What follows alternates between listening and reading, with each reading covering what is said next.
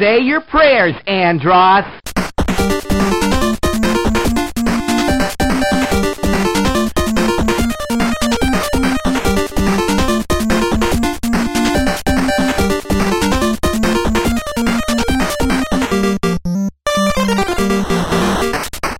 Welkom bij aflevering 36 met in mijn linkeroor Michael en rechteroor Steve. Ja, ik ben het er niet mee eens. Nee, nu Want al niet. Nou, nee, want dit is. Nu krijg ik. Weet je, mensen denken dan dat ik bijvoorbeeld ook politiek gekleurd links ben. En dat ben ik niet. Dus ik wil het toch omdraaien. Ik vind, ik vind Steve meer iemand voor op links. Nou, zoals Churchill al zei, als je jong bent en je bent niet links, dan heb je geen hart. Ben je oud. En eh, ben je niet rechts, dan heb je geen verstand. Oké. Dus jij, En- jij, bent, jij wil ook rechts. Ik, eh, ik zit nog een beetje in de midden. Oké. Ik begin steeds meer op te schuiven naar het midden. Nou, weet je wat fijn is, eh, Steve? Ja. De podcast is mono. Dus jullie zijn allebei in het midden te horen wanneer mensen het horen. Oh, dat doet me deugd. Dus eigenlijk zijn we gewoon helemaal gelijk voor jou. Steve is een soort mannetje pechtold. Ja, zo kun, je me wel, zo kun je me wel noemen. Daar stem ik ook op. Ja, dat, dat eh, had ik zomaar in één keer goed gegooid. En als ik zelf ook nog een keer een politieke partij eh, ga beginnen, en dat is niet ondenkbeeldig, dan eh, zit hij ook vrij strak in het midden. Ja, Ik hou ervan het midden. Ik ben graag in het midden. Ik kwam erop omdat in mijn editing template, wanneer ik de podcast edit, heb ik drie waveforms. En daar zit Michael's waveform altijd links van die van mij en die van Steve rechts van mij. oké. Ik eh, denk dat het de podcast. eh, nou, ik denk dat het de podcast te goede komt als je dat een keer omdraait. ik zal het dus... eh, Luister grap maar een keer niet proberen. naar hem hoor, eh, Niels. Ik ben een beetje opstandig misschien vandaag. Hij is een beetje rebels. ja, maar dat eh, zijn we ook wel een klein beetje gewend. Oh jongen, het is pas het begin dit. Maar ik begin namelijk een beetje te puberen. Ja jongen, nog eventjes en ik krijg de baard in de keel. ja, Mijn ballen Zo. dalen in. Jongen, alles, komt er, alles komt eraan. dan, dan zal je een bronzig stemgeluid krijgen. Nee, ik, eh, soms heb je van die dagen. Dan, ja, ik weet het niet jongens. Oké, maar laten we Niels weer lekker verder laten gaan. Ja. Hey, het onderwerp van deze podcastaflevering is eh, muziek in games deel 2. En laat jij nou, Steve, toevallig aanstaande woensdag naar Games Concert gaan. Niet te verwarren met Gays in Concerts. Dat hadden we dit weekend met het Songfestival. Nou, dat vond ik niet echt een concert ook. Ik vond dat meer een soort potpourri. eh, Nou, we hebben, we hebben het wel goed gedaan als, eh, als Nederland. En- En ben jij een beetje trots op Welen, eh, Niels? Eh, altijd. Altijd. Nou vraag ik me toch af, hè, Steve. Nu je zo populistisch zegt, wij hebben het goed gedaan. Ja. Als ze nou 26e waren geweest, was het dan wij hebben verloren? Nee, hè, dan was het zij hebben verloren. Dan was het dat nummer waarvan iedereen zei dat er geen reet van klopte, heeft verloren. Ja, en ze hebben gelijk gehad dat het niks was. Ja, hè, zo werkt het. Ja, maar nu zeg ik ook van, we hebben het verkeerd gehad. Ja, ja, ja, dat ja. hoort er dan ook wel weer weer bij. Tuurlijk, maar wel, we hebben gewonnen. Hè? We Dat, eh, hebben het goed gedaan, inderdaad, ja. ja, ja, ja. Heb je nog gestemd, Steve? Nee, ik heb, niet ik, heb niet, ik heb niet eens live gekeken. Ik zag eh, om half één, toen ik zeg maar een beetje uitgediablood was, zag ik zeg maar eh, dat Nederland tweede was geworden. Tot mijn grote verbazing. Nee, ik heb wel echt zitten kijken. En ik heb ook gestemd. Niet op Polen, wat iedereen natuurlijk denkt. maar ik heb op Zweden gestemd. Zweden, oké. Ja. Is goed alternatief voor Polen. Ja, dat was het zeker. Ook een mooi Ja. vrouwtje. Ja, dat was. eh, en een leuk liedje. Ja. Ja. En daar hebben we het vandaag over, toch? Leuke liedjes. Leuke liedjes. Nou, Ja. ik heb niet altijd leuke liedjes, moet ik zeggen. Er zijn toch Sfeer, ook- sfeervolle liedjes, maar dat komt straks. Ja.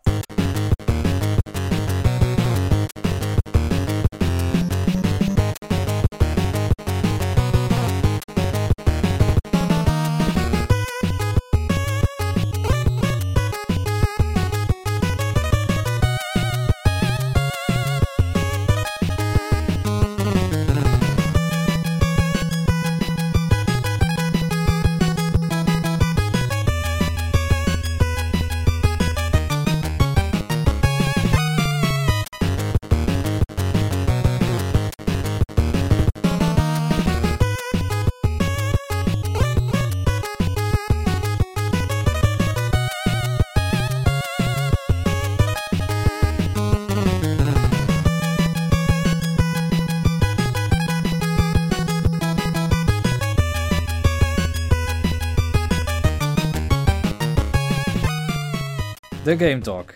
Ehm Steve, laten we maar beginnen met jou om alvast Diablo out of the way te hebben.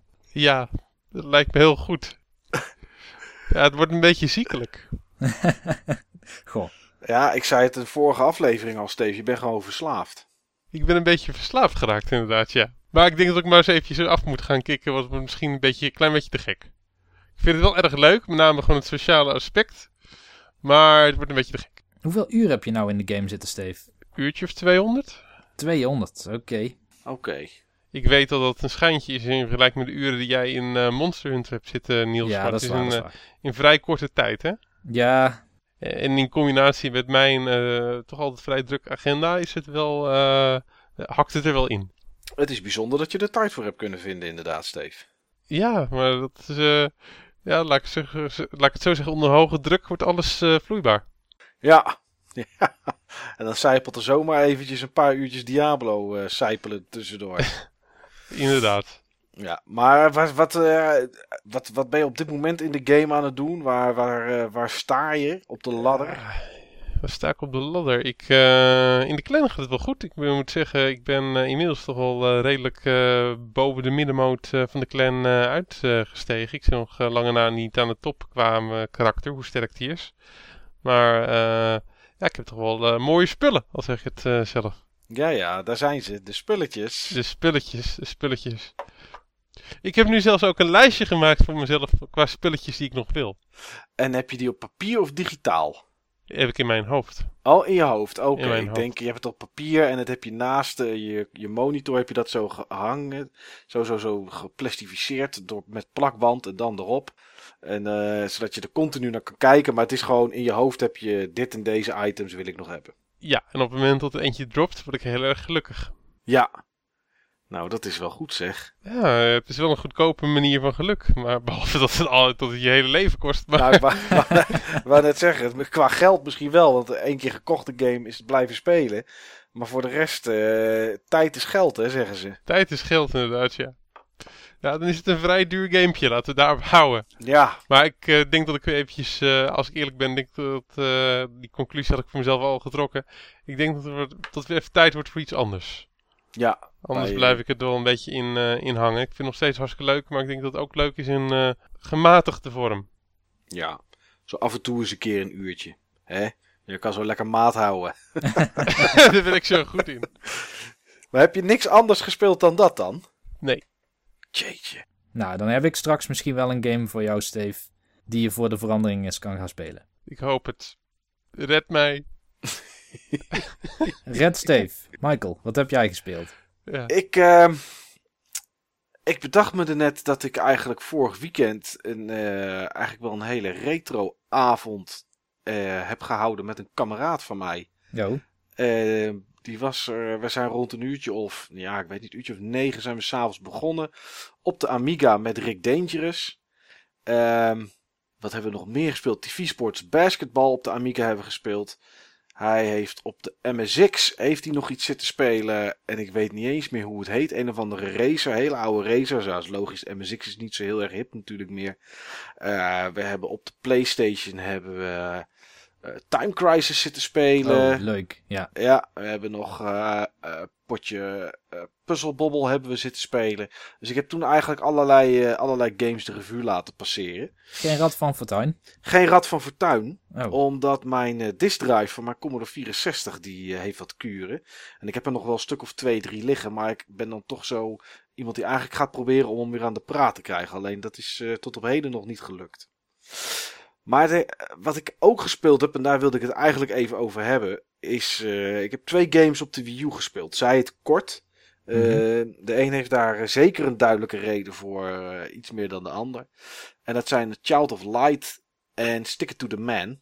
De reden dat ik Child of Light niet zo heel lang heb gespeeld, is omdat ik gewoon op dat moment niet zo heel veel tijd had. Ik moet zeggen dat, er, dat het er erg mooi uitziet op de, op de Wii U. Ik Maar hij denk ook krijgt dat... goede kritieken, toch? Ja, zeker Ja. weten. En ehm, ik denk ook dat het wel een leuke, leuke game is. Het is niet een game die je één kant op duwt. Je kan, eh, ja, zodra je begint in die wereld, eh, je kan links, rechts, eh, boven. Je kan allerlei kanten op. Dus dat, daar hou ik wel van. En toen dacht ik van, nou weet je wat, dan start ik nog heel even Stick It to the Man start ik nog even op. Een game die er al een tijdje is op andere platformen, maar voor de Wii U was die onlangs uitgekomen. ja, jongens, het is verschrikkelijk. En het ligt Wat, wat is het dan voor Het- spel? Het is een platformgame, is het. En eh, je, je bent een soort cartoonesk-achtig figuur. Je gaat op weg naar huis en dan komt er een soort ja, object uit de ruimte, knalt er op je hoofd. En daardoor groeit er eh, een soort hand groeit er uit je, uit je hoofd. Ehm, Zo'n zo'n ding wat je vroeger had, waar je met zo'n met zo'n stuk rubber eraan en dat je met zo'n handje, zo'n plakhandje en die je dan zo Ja, die in tegen- zo'n bal zit. Ja, precies, die je zo eh kon, Oh, is het dat spel? Ja, daar heb ik wel wat van gezien. Ja. Alleen, om de vijf stappen op de Wii U hapert de game drie of vier frames. Echt om de vier, vijf stappen. En het is daardoor niet te spelen. Ik was, Nee hoor, dat is niet te doen. ik was echt teleurgesteld. Want ik denk van, nou weet je, inmiddels weet iedereen wel een beetje wat de Wii U kan. Hè, hoe je hem kan gebruiken. Want ik heb stiekem, bedenk ik, ook nog iets anders gespeeld. Daar ga ik het zo heel kort over hebben. Ook op de Wii U. En dat zag er wel goed uit. En dat liep wel op 60 frames per seconde. Maar stick it to the man. Nee, verschrikkelijk. Het is. Ik zag het in de intro en ik denk, nou, het zal misschien aan de intro liggen. Ik, ik stoor me er nog niet aan. Al vind ik een intro iets wat helemaal gescript is, mag voor mijn gevoel helemaal geen frame drops hebben. En ik ging lopen en ik denk, zie ik het nou goed? Hapert het nou? Ja, ja het, en het blijft haperen. Hm. Om de vier, vijf stappen zie je dat het gewoon even vertraagt. Even wat frame drops, dat even hapert. Nou, dat is. eh, nee, dat is echt niet goed. Ja. En ik snap niet, ik snap niet waarom ze het ook uitbrengen op die manier. Nee, en dat het door die keuring heen komt. Ja, iets wat wel door de keuring is gekomen, jongens. En ik weet dat jullie nu gaan zeggen, ah, jij wel. Is dat ik het afgelopen weekend ook alvast Mario Kart 8 heb gespeeld. Oh, jij wel. Ah, Ja, ik wel. daar zijn wij wel een beetje jaloers op. ja, Ja. ja. de game komt eh, 23 mei uit, zeg ik even uit mijn hoofd. Ik dacht 30. 30 mei, sorry, je hebt gelijk inderdaad. 30 mei. Eén dagje eh, na mijn verjaardag, klopt. En omdat het embargo eh, van de reviews er op de 15e afgaat en deze uitzending er dan al is, kan ik het er gewoon over hebben. En ehm, ja, dat is wel eh, tof hoor, jongens. Dat is wel, eh, het ziet er echt super mooi uit. Ehm, er zitten nieuwe items in. Nou goed, hebben we allemaal in de trailers gezien, maar die zijn ook echt leuk om te gebruiken. Je kan je kart inderdaad wat meer customizen met andere body, andere wagen, hoe heet het, andere wielen. Je kan andere banden eronder zetten. Je kan eh, het, eh, het device waarmee je zweeft kan je bepalen. Dan kan je de stats zien van de kart die je, die je gemaakt hebt. En dan kan je eventueel nog onderdelen wisselen. Er zitten een heleboel, eh, eh, eh, een heleboel personages in die je vrij kan spelen. En de banen, ja, dat is typisch Mario Kart natuurlijk. Er zitten uiteraard weer vier leagues in van, ja, van vier levels die helemaal nieuw zijn. Van vier hele nieuwe banen. En dan zitten er weer vier leagues in met eh, elk vier gerecyclede banen. Maar wel helemaal gebouwd in de stijl van de Mario Kart 8. Dus in totaal 32 tracks die erin zitten. Eh, had voor mij wel iets meer mogen zijn, ondanks dat 32 best wel veel is. Het zijn er altijd 32. Ja, maar het, het had het wel dit op een of andere manier had het wel iets meer gemogen deze keer. Ik weet niet waarom. Misschien omdat het gewoon leuk is om te spelen. Nou, dat is een goed teken. Ja, Dat is een goed En teken. eh, En hoe is de selectie banen uit voorgaande Mario Karts? ja, dat zit, er zit van alles tussen. Ik heb eh, banen gehad uit van de Game Boy. Ik heb van de Nintendo 64, van de Wii. Eh, er zit echt van alles zit ertussen. Dus het is wel. ja, dat, of jouw favorieten ertussen zitten, is altijd maar de vraag natuurlijk. Want Maar- veel van mijn favoriete banen zijn al gerecycled in recente Mario Karts. Ja, ik weet niet. Daarvoor heb ik het net even te kort gespeeld. Dan ken ik niet alle banen uit mijn hoofd. Of ze ook gerecyclede, gerecyclede banen erin hebben. Volgens zitten. mij Volgens niet. mij niet. Nee. Het zou zomaar kunnen dat de, juist alle banen die ooit al hi- hiervoor erin zaten, er nu juist niet in zitten. Eh, wat wel een gave optie is, is, eh, volgens mij was dat nog niet bekend, is dat als je eh, gespeeld hebt, dan heb je eh, Mario TV en daar zie je dan de, replay in met mooie camerabeelden. En die kan je direct vanaf de Wii U, kan je die uploaden naar YouTube. Dus als jij een, eh, een mooie race hebt gehaald of een mooie Ja. race hebt gespeeld, kan je ze direct uppen naar, eh, uppen naar YouTube. Dat is volgens mij een van de eerste keren voor een Nintendo game. Volgens mij Zo niet ook. de eerste. Ja, Ja, Ik denk dat de eerste is. ja, sowieso is, doet Nintendo ook tegenwoordig wel meer met, eh, eh, met sociale media. Want eh, dat mag ik dan eigenlijk niet verklappen, maar doe toch. Tomodachi Live, game die op 6 juni uitkomt voor de 3DS. Daar kan je plaatjes en foto's die je gemaakt hebt in de game kan je direct op Twitter zetten bijvoorbeeld. Of op Facebook. Oh, oké. Dus dat Nintendo gaat daar Nintendo meer, gaat social. Ja, die gaat daar meer mee, eh, die gaat daar meer mee doen. Maar het ziet er geweldig uit. Ja, het speelt zoals je het, als je het verwacht eigenlijk van, eh, van Mario Kart 8. En ehm, ik ben geneigd om hem eh, te kopen. Zo, het is bijna alsof ze gewoon weten wat er leeft onder mensen, joh. Ja, nou ja, Bijna! niet zo heel Bijna. veel mensen natuurlijk. Want we hebben natuurlijk de cijfers gezien. En dat is natuurlijk niet zo best van Nintendo. Maar eh, ja, ik vond het een. eh, ik vind het echt een. Het is een leuke game. Het is eh, ja, wat je gewend bent. eh, lokaal tegen, tegen eh, vier mensen tegelijkertijd spelen. Je kan online spelen in je eentje of met z'n tweeën. Dus dat ja, is echt een. dat wordt wel een leuke game die we met onze community kunnen gaan spelen. Wat ik nog, ik had nog een vraag. Ja. Je hebt vorig jaar volgens mij bij Nintendo een demo van dit spel gespeeld. Klopt. En zijn er nou nog dingen veranderd ten opzichte van die demo? Nee, nee, het is nog steeds, het eh, nog steeds wat, wat ik daar ook in zag. Eh, je hebt de banen en je kan. eh, ja, er zaten toen minder items in en minder personages. Die zijn wel door het jaar heen inmiddels zijn die toegevoegd. Oké. Dus daar, dat zijn er wel meer. Zoals de, de piranha plant, zeg maar. Die zat er toen niet in. Die is trouwens erg leuk. Want die hapt naar, naar muntjes. Die hapt naar items, blokjes. Die hapt naar tegenstanders. En als er niets is, dan hapt hij in de lucht om je zeg maar een stukje vooruit te trekken. Dus dat is wel eh, Ja. erg gaaf. Ja, de muntjes zijn ook een leuke toevoeging. Ik weet niet of dat in Mario Kart 7 al zat. Ja. Maar eh, oké, en des te meer muntjes je had, des te harder je rijdt. Hè? Dat was Ja. denk ik daar ook zo. Ja, nou ja, dat is hier ook in terug. Dus ja, het is eigenlijk als je de eerste Mario Kart eh, speelt en je pakt ze allemaal, wordt er elke keer weer iets toegevoegd en blijft het oude blijft bewaard. En dat is wat hier eigenlijk ook in zit. En eh, nou ja, het nieuw is dan het rijden op de muren. Alleen ja, goed, rijden op de muren is eigenlijk enkel maar een shortcut en niet meer dan dat. Dus nee. het is, je kan niet zelf bepalen of je het hele level op de kop rijdt of niet. Het zijn echt gebieden die hun aangeven. En dat is, eh, ja, dat is het enige. Dat had misschien iets meer vrijheid gegeven. Maar eh, het ziet er schitterend uit, jongens. Het is, eh, dat heeft Nintendo zet daar echt een goede game mee neer. Dat is mooi. Ik, eh, het is de enige game dit jaar die ik tot nu toe gepreorderd heb. Oké. Ik heb hem ook gepreorderd. Ja. Nou, dat in is. de Collector's Edition. Oké, met dat. eh, eh, wat was het? Zat er ook alweer bij? Een, eh, Blauw schild. Ja. Oh ja, een blauw schild inderdaad. Ja. ja nou, dat, Die ga ik een mooie plek geven. Daar heb je geen, hebben jullie alle twee geen miskoop aan eh, aangedaan. Dat kan ik je verzekeren. Dat gevoel had ik ook totaal niet. Maar het is leuk om bevestigd te krijgen. En jij zelf, Niels? Je hebt vast geen Mario Kart gespeeld om nog eventjes zo een Nee, prikje nee, onder nee, water nee. te geven. Wrijf het Ja. er maar in. Ja, Ja. Super Mario Kart eh, vorige maand, hè? Ja, Met de competitie. Maar goed. Nee, ik, heb, eh, ik wil het over twee gamepjes hebben. Of gamepjes. Daar doe ik eentje tekort mee.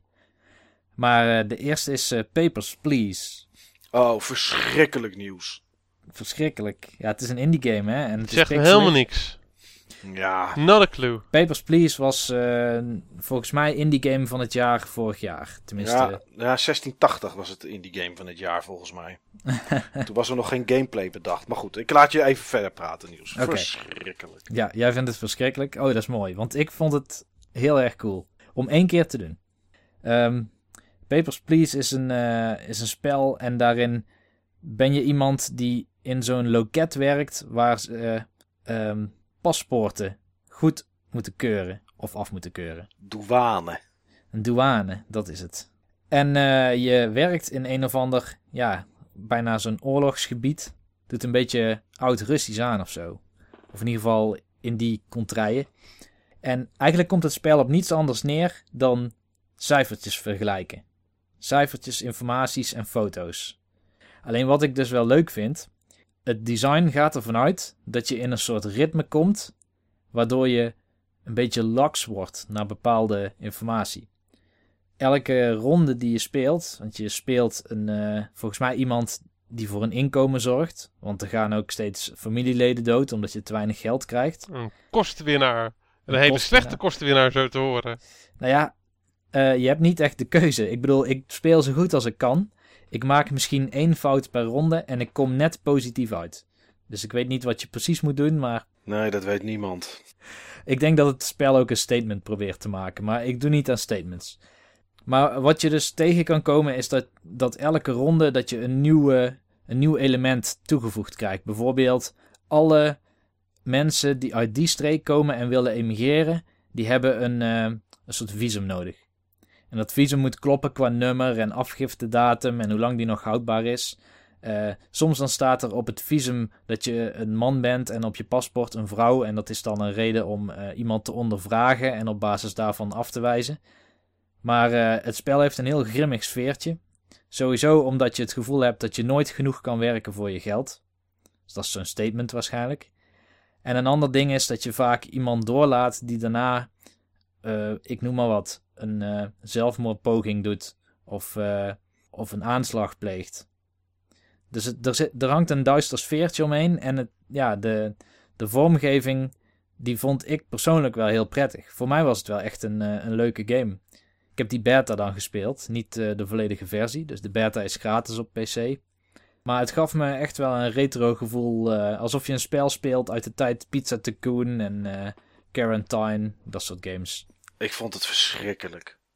Ik ben sowieso, krijg ik heel langzaam krijg ik een beetje jeuk van al die indie games die met hun 16-bit sausje aankomen. Mm -hmm. En dat is dit net zo. Ja, ik ja. vind het afschuwelijk. Echt waar. Ik, uh, toen die SNES-console nieuw was, ging je ook nog niet bewust uh, spellen maken in Atari 2600-stijl. Dan wou je toch ook gewoon het meeste eruit gepest hebben. Ja, maar ze ik kunnen vind niet het anders, zo, Steve. Ik vind het zo gemaakt arty-farty.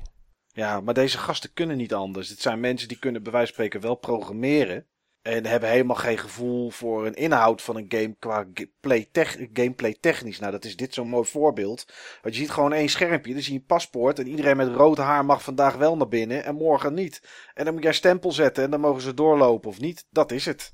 De, nou, wat, leuk. Wat Niels Klinkt zegt, heel erg entertaining. ja, wat Niels zegt, de ene keer komt er dan wat meer bij kijken. Iemand uit uh, Azerbeidzjan mag wel naar binnen als, die, als het een vrouw is met een baard.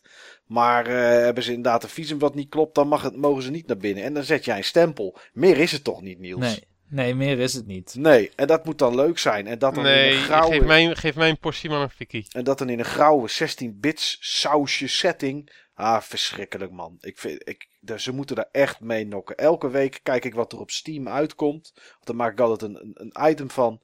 Eh, met alle games die eruit komen. En elke week zitten ze er weer tussen. Ja. 16-bit sausjes. Of 8-bit sausjes. Rot toch op. Ik vind het verschrikkelijk. Ik vind het echt verschrikkelijk. Ik ook. Ik uh, denk er precies hetzelfde over.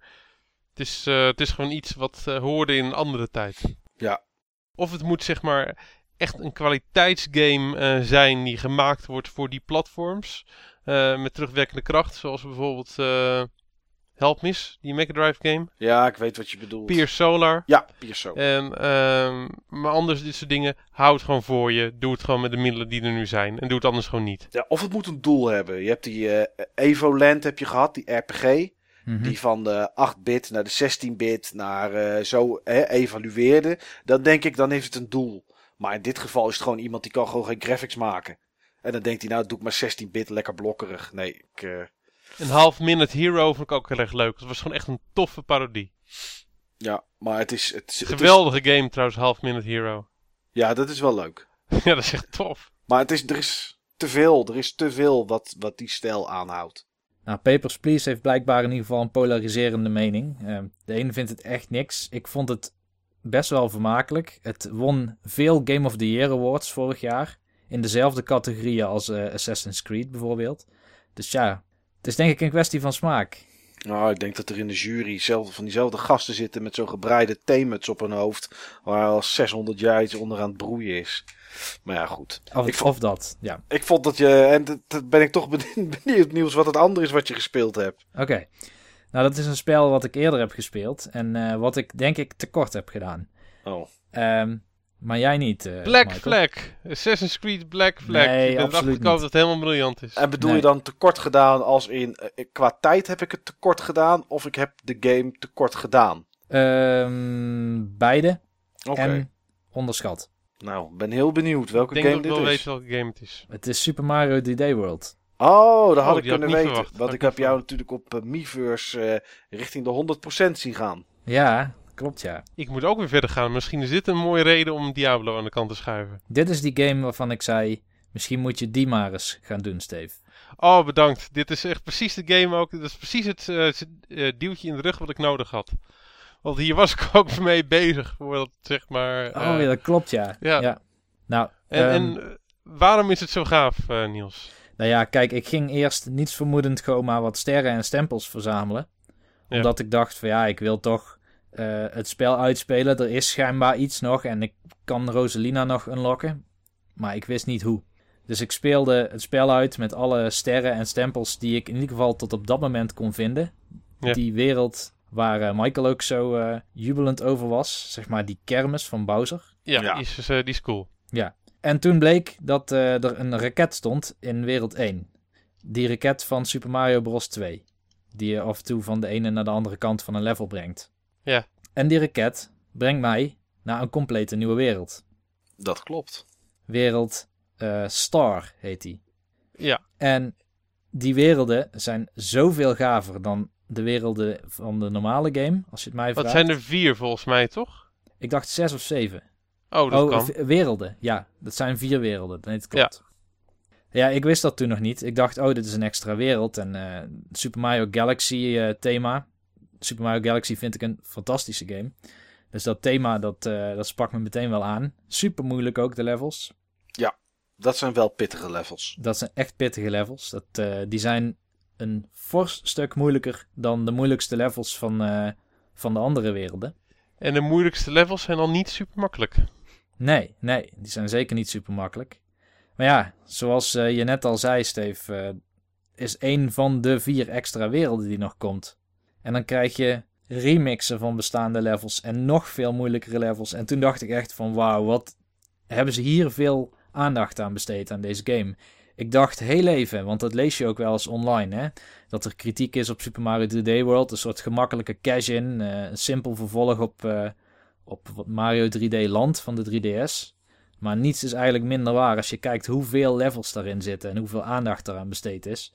En hoe gaaf dat die levels zijn. Dus dit is echt. Uh, ik zei vorig jaar nog, of begin dit jaar was dat geloof ik, bij onze 2013 review. Dat ik Rayman Legends toch misschien wel leuker vond en creatiever. Maar Rayman Legends heeft, komt niet eens in de buurt van Mario 3D World. Oké, okay, nou, dat is heel duidelijk. Ja, dat is een. Dat is heel duidelijk. Dat is een uh, duidelijke ommekeer. Ja. ja. En terecht ook wel, want er zit, er zit zoveel content in en zo leuk. En uh, ja. ja, het is echt een goede game. Dit is ook echt wel het stukje meesterschap wat Nintendo in het verleden ook heel vaak heeft laten zien. Wat ze zo weer uit de kast trekken. En ik hoop dat hetzelfde uh, meesterschap ook weer terugkomt in Mario Kart 8. Ja. Ze zullen het nodig hebben. Nou, en, zeker. en zelfs dan denk ik dat het niet zoveel uitmaakt ten opzichte van waar ze nu staan met de Wii U. Nee, ik denk het ook niet.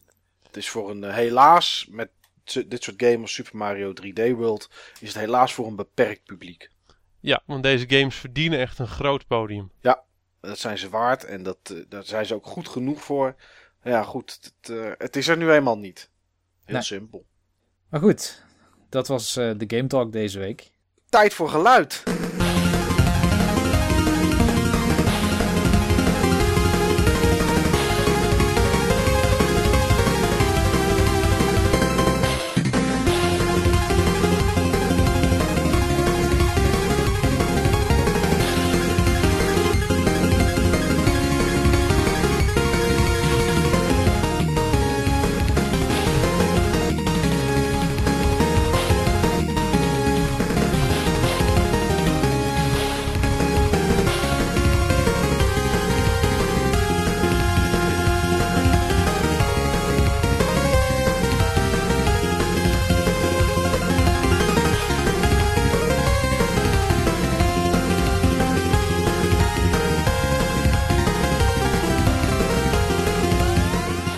In Games deel 2.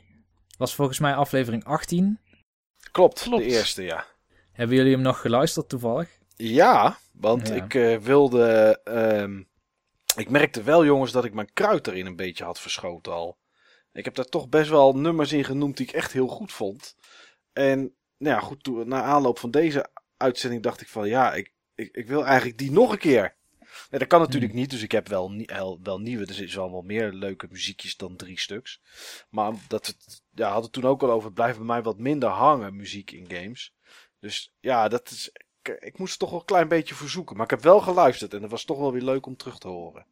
Daar doen we ze ook voor. Ze moeten ook gewoon eh, een tweede, een derde, een vierde keer leuk zijn. Ja, maar ja, om dat van je eigen uitzending te zeggen is misschien een beetje wat gek, eh, Steve. Ja, dat is ook wel zo. Maar toen waren het, eh, ja, toen waren het de beste nummers waar op dat moment... Toen zat er nog niet een thema achter. Er zat nog geen thema achter, inderdaad. En, eh, en daarom hebben we het voor deze aflevering onszelf wat moeilijker gemaakt. Spannend. Nou, jullie hebben het mij eigenlijk moeilijk gemaakt. we hebben het, ja, maar dat, dat is een beetje onze taak om jou het leven moeilijk te Ja. maken. Ja, dat is Want dan jullie, ben je scherp. jullie slagen Ja. daar heel goed in. We hadden het ook eh, samen afgesproken hoor. Het was zeg maar een eh 1 tweetje. Ja, ja, ja. En jullie hadden het waarschijnlijk al twee weken lang hadden jullie dit al voorbereid. En op het laatste Klopt. moment gaan we die mic nog even sarren. Ja. Ja, klopt, want eh, we weten dat je toch niks te doen hebt. Nee, dat scheelt inderdaad. Als je gezegd had, oh, dat is een goed idee, dan hadden we iets anders gekozen. Ja, ja, ja. Wat jullie ook al geprepareerd hadden. Ja, Klopt, zo hadden we nog een aantal. inderdaad. Maar eh, wat is nu de focus van deze aflevering? Dat zijn sfeerbepalende gamemuziek. Yes. Ah, muziekjes, dan doen we het eigenlijk een beetje te, eh, te kort en te simpel af. Sfeerbepalende game muziek. Ja, jongens. Dat, is, eh, dat was toch wel even, even lastig, weet je dat? Dat is een andere vraag hè, dan wat vind je de mooiste gamemuziek? Ja. Ja, omdat het niet altijd de mooiste hoeft te zijn, maar wel sfeer bepaald voor, ja, voor het moment. Maar niet, niet alleen vond ik dat het sfeer bepaalde voor wat ik eh, op het beeld zag tegelijkertijd met die muziek. Maar bijvoorbeeld, het kan ook bijvoorbeeld zijn wat er in je leven gebeurt. Of wat, wat eh, hoe, hoe je set of setting of mind is. Dat soort dingen helpt, het, helpt daar ook Oh. aan mee. Je hebt Metamic. Ja, nou, ik eh, ga niet straks in één keer huilen als ik een liedje zeg wat, dat er dan iets zieligs gebeurde in mijn leven. Nee. Maar eh, het, ja, Drink jij ook groene thee? nee joh, ik drink op dit moment gewoon whisky. Ik drink wel groene thee. Oké. Met suiker niet, hè? Nee, hè, er zit nee, geen dat suiker is niet goed voor je. Ja, ja, dat dacht ik al. Ben je ook helemaal meta geworden sinds je groene thee? Ja, en of ik meta geworden ben, joh, echt. eh, ik ben een en al zin. Oké. Ehm, ja, ik was vorige keer bij Steve begonnen met Game Talk. Dus eh, ja, dat trekken we gewoon door. Steve, mag ik bij jou beginnen? Eh, dat, eh, dat mag, dat mag. Joh, je hebt het ook mij wel een beetje moeilijk gemaakt hoor, eh, Niels. Als ik eerlijk ben, keek ik ook een beetje naar deze uitzending eh, op. Want ik, eh, ja, ik, eh, ik wist echt niet wat ik ervan moest, eh, moest gaan maken. Ja, dat zei je. Maar het is, eh, het is toch gelukt. Ik ben eigenlijk wel heel erg tevreden van eh, hoe het, eh, wat, wat er allemaal in toch top of mind kwam. Want de dingen die echt top of mind waren, die had ik inderdaad al in de vorige uitzending eh, gebruikt. Mhm. Maar het mooie als je, als je wat dieper moet graven, dat je ook jezelf nog kan verrassen. En dat is zeker gebeurd. Nou, dat Nou. maakt me heel benieuwd. We Ja. hebben voor deze aflevering besloten om een retro game en een moderne game uit te kiezen. En daar dieper op in te zoomen. Echt op in te zoomen. Dus meerdere muziekjes. Ja. Of meerdere stukken muziek. Waar wil je mee beginnen? Nou, met wat, eh, met wat muziekjes. Want eh, voor mijn retro game heb ik een, eh, ja, een game uit eh, de toch wel 8-bit tijd gekozen. Oh, En eh, ja, en, ehm, en wat voor eh 8-bit eh, game. Het is nog niet eens een, eh, het is nog niet eens een, een NES of een Master System game, maar het is nog een eh, handheld game ook. oh, Het is een eh, handheld game van een, eh, van een legendarische composer. Althans, de muziek is van een legendarische composer. Van een legendarisch softwarehuis. Het is van eh, Harumi Fujita van, eh, van Capcom. Die ook de muziek gemaakt heeft van eh Bionic Commando, Rescue Rangers en Strider. Dit wist ik allemaal niet, maar via Wikipedia weet je veel. Maar dit is niet Bionic Commando, Rescue Rangers of Strider. Dit is Gargoyle's Quest. oh. Jeetje, verbaast me eigenlijk wel, Steve, dat je zoveel verschillende muziekjes kan vinden in zo'n 8-bit cartridge. Ja, daar zat ik zelf toevallig nog eh, aan te denken toen ik er straks zat te poepen. Ja, oh, geweldig. Ja, ja, ja. Van, eh, ja Was dat ook met dat- een 8-bit sausje? vast wel. Ja, Vast ja, wel. goed. Dus, eh, nee, ik zat te denken van, joh, ehm, dat ze eigenlijk op die paar kb, want we hebben het gewoon over, over een paar kb. Ja. Dat ze daar gewoon zoveel op wisten te squeezen. Echt zonder geavanceerde compressietechnieken zelfs. Ja. Want eigenlijk, het was allemaal heel straight. Ja, en als je dan nu hoort dat uh, The Last of Us Remastered niet, op dit moment niet eens op de disc past, dan hebben ze toch wel uh, heel wat voor elkaar gekregen in die er tijd. Er is een andere kant op gegaan, inderdaad, ja. Maar uh, ja, uh, Gargoyles Quest, volgens mij heb ik hem al een keer uitgelicht tijdens uh, de Game Boy, tijdens de handheld special. Het was mijn eerste gekochte ehm, Game Boy game. Ik vond het echt heel erg moeilijk. Ik vond het wel moeilijk om de muisschermen door te komen. Ik was toen nog niet zo goed in Engels. En ja, dat was wel, het waren wat lastige schermen. En het spel om te spelen, dat vond ik ook al pittig. In eerste instantie dacht ik dat het een miskoop was. Of, dacht ik dat ik er niet, ik niet ver zou, zou komen. Maar ik heb hem echt helemaal uitgespeeld. Ik heb hem helemaal grijs gespeeld. Ik heb hem oh. volgens mij zelfs verschillende keren uitgespeeld. En het was echt een van de eerste games waarvan ik echt me in vastgebeten heb. En dat ik gewoon steeds beter werd. Dat ik echt over die barrière heen kwam. Voor de mensen die de game niet, niet kennen je moet uh, steeds kleine stukjes vliegen. Om um, en heel veel leaps of fate uh, maken. En precies weten van wat er eigenlijk daarna uh, of onder je zit. waar je uit kan komen en waar spikes zitten. En ik ben zo vaak op spikes terecht gekomen. En in eerste instantie zijn er kleine stukjes die je kan vliegen. Ook echt hele kleine stukjes. Ja. Maar ja, de gameplay vond ik echt fantastisch. De boss fights vond ik fantastisch. De levels vond ik heel erg gaaf. Maar een van de dingen die het meest bij is gebleven, en die toen de meeste indruk al maakte, dat was die soundtrack, dat was die muziek. Gargoyles Quest is echt een prachtig voorbeeld van een Game Boy soundtrack, hoe een Game Boy soundtrack kan zijn. Enerzijds classic 8-bit, maar anderzijds wel stereo effecten en net even wat beter dan, uh, dan ik gewend was van, uh, van de NES. Um, ik vind het ook echt heel erg knap wat ze eruit hebben uh, geperst. Het is enerzijds heel erg uh, duister en dreigend, onheilspellend. En anderzijds gewoon ook heel erg uh, herkenbaar. En het heeft toch gewoon die, vriendelijke 8-bit uh, sound. ja, die haast warme 8-bit sound. Gewoon die je naar ja, jaren 80, begin jaren 90 terugvoert. En wat ik er vandaag de dag knap aan vind. Het is muziek die enerzijds blijft hangen. Het zijn van die riedeltjes die je gewoon zo mee kan, uh, kan neurien. Of die, uh, die zomaar opeens weer in je hoofd omhoog kunnen komen op het moment dat je eventjes aan die game uh, denkt. Maar het zet echt ook wel een sfeer neer. Oké. Dus het staat zowel op zichzelf als dat het een sfeer neerzet. Maar dat is wat je zegt wel knap, Steve. Want ik weet niet precies hoeveel KB er op zo'n cartridge kon. Ja, volgens mij echt heel weinig. Volgens mij iets van 128 KB of zo, maximaal. En om daar dan zoveel muziek in, maar die ook gewoon sfeer brachten. Want dat, is, dat is wel knap. Ja. En uh, het is ook niet één muziekje of zo wat, uh, wat goed is. Maar uh, ja, het is gewoon echt. het is echt heel veel. Ik heb hem eventjes opgezocht. Dat spel is de muziek van de game. Dan heb ik echt over de muziek, de chiptunes. Ja. Ehm, die zijn 12.1 kb. 12.1 kb, maar. Ja. En het spel zelf is 85 kb. Oké, okay, dan kom ik dus, dan klopt dat wel, dus met mijn 128 kb. Nou, dat is netjes. Ja. Maar zijn ze na al die jaren blijven hangen, Steve? Was het, ja, uiteraard, want je hebt het nu over die game, maar moest je er lang over denken om te denken van, hey, Gargoyles Quest, dat was echt geweldige muziek. Uh, nee, die kwam uh, vrij snel uh, op. Ik had direct al, zeg maar, de intro in mijn hoofd. Die is gewoon echt heel herkenbaar. Dat, uh, iedereen die dat spel gespeeld heeft, die kent wel de tonen.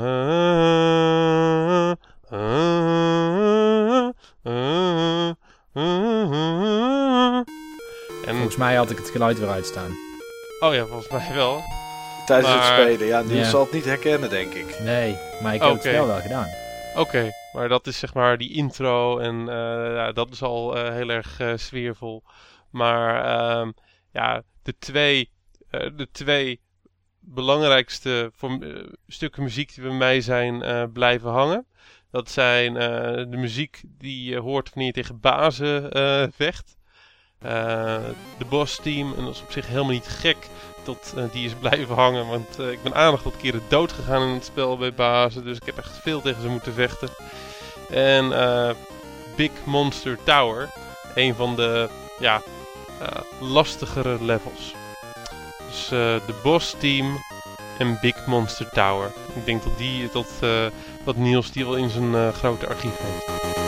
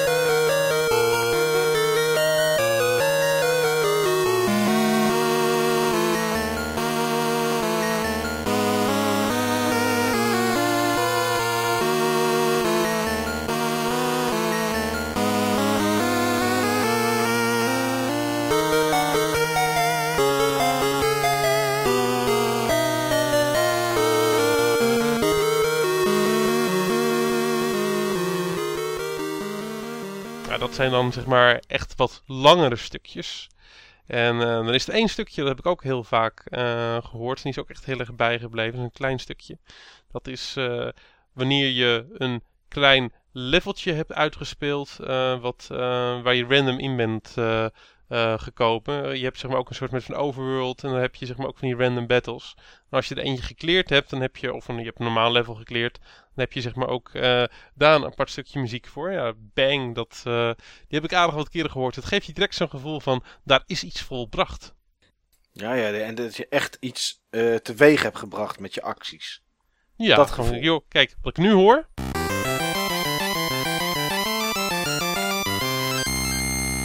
Dat heb ik gedaan. Ja, dat is, nou ja, dan heb je wel het gevoel dat je echt iets bereikt hebt. Dan heb je wel echt iets bereikt. Ja. Zoiets inderdaad, ja. Ja, Ik, die had ik dus ook nog in mijn hoofd, precies dat. En, eh, en ik dacht, waar, waar komt het ook alweer eh, uit? Waar komt het ook alweer uit? Oh ja, tuurlijk. Natuurlijk. uit Super Mario. Uit Super Mario. Duck Hunt. Ja. Ja. Nou ja, leuke, leuke k- keuze, Steve. Had ik niet verwacht. Ik had, weet niet wat ik wel had verwacht, maar het is niet zo'n eh, zo'n standaard, Ja, ja, inderdaad. standaard keuze. Ja, ik, ik was ook wel blij met deze keuze. Ik vind het echt een game die het verdient. Ja, ik zat het te luisteren en ik dacht ook van... oh, deze waagt zich aan ze, ook de beste NES-soundtracks. En dit is dan zeg maar Game Boy, maar eh, 8-bit Hij, eh, tijdperk. ja, Ja. hij hoort absoluut in dat, eh, dat rijtje thuis. Ja. Capcom had gewoon zulke goede muziek in die tijd. Maar de chip lijkt ook heel veel op die van de NES, hè? Maar dan stereo en iets beter. Ehm, Michael, jouw retro-titel. Mijn retro-titel is er een eh, met een. Ja, de composer is een iets makkelijker uit te spreken naam dan wat Steven net eh, voor zijn kiezen kreeg. Eh, Koos. pro- prop, eh, ja, Koos eigenlijk. Hij heeft het zelf gekozen. natuurlijk. Prop, Steve, voor, jou, eh, voor jouw uitspraak van de Japanse naam. Eh, dat voor mij is van Ben Daglish. En die heeft dat samen met Anthony Lees gemaakt. En eh, Ben zou je kunnen kennen van een titel op de Commodore 64 genaamd Crackout. En dat was ook een legendarische soundtrack. Ja. Maar de titel die ik wil gaan noemen is, eh, en ook ga noemen, is The Last Ninja op de Commodore 64. Oh, ah, mooi ja. man. Ja. Mooi man. Ja, en eh, ja, ik heb al een keer eerder in een uitzending verteld dat Last Ninja voor mij een hele zoektocht was om die game ooit te krijgen. Eh, met eh, geld verliezen op straat en, en dat soort dingen allemaal. Een Maandenlang. klassiek verhaal. Een Ma- klassiek ja, verhaal. maandenlang zoeken. En, maar uiteindelijk had ik de game. Uiteindelijk had ik eh, de dubbelcassette. Want ik speelde toen nog alles op cassette. Op de Commodore 64. Ik had toen nog geen disk drive. En eh, ja, twee bandjes, zoals je dat in die tijd noemde. Die aan alle twee de kanten beschreven waren. Dat was, het, eh, dat was wat het spel was. En eh ja, Commodore 64 vanaf cassette iets inladen duurde echt onmeunig lang, zoals ze dat bij mij in Enschede zouden zeggen. En dat was met The Last Ninja ook zo. En tijdens die laadschermen had je muziek. Nou zijn dat niet de stukjes die ik het meest interessant vind. Uh, niet het meest sfeerbepalend. Maar ze bouwden wel spanning op. Wat tegenwoordig een game laden. Nou goed, dat weten we allemaal. Het is zo gebeurd. Uh, zeker met een PC. Als je daar een, uh, een SSD-disk in hebt. Dan heb je bijna niet eens laadschermen meer. bij wijze van spreken. Maar uit die tijd. Als je dan iets had op de Commodore 64 dan had je echt laadschermen. En die duurden Dan wist lang. je wat laden betekende. Ja, dat, en dan had je mooie dingen als fast loaders. Nou, het laden niks sneller in, maar dat dacht je wel. En dat duurde, dat duurde echt heel lang. En dat wachten, dat was eigenlijk ook een opbouw naar spanning. En het eerste muziekje wat eigenlijk het meest geweldig is en wat iedereen kent uit The Last Ninja, is uit het eerste level, de Wastelands. Uh, ja, dat is zeg maar de Last Ninja muziek.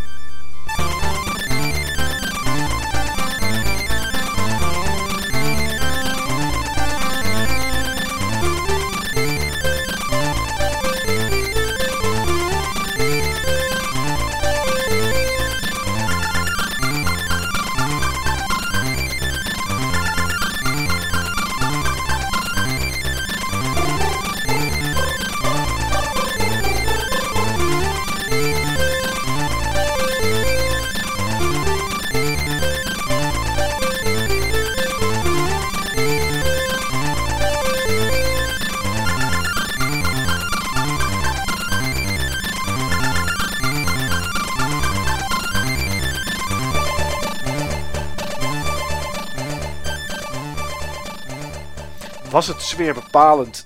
Ja en nee. Ja, het was sfeerbepalend voor de hele game. Want het was het eerste wat je hoorde en de spanning begon daar.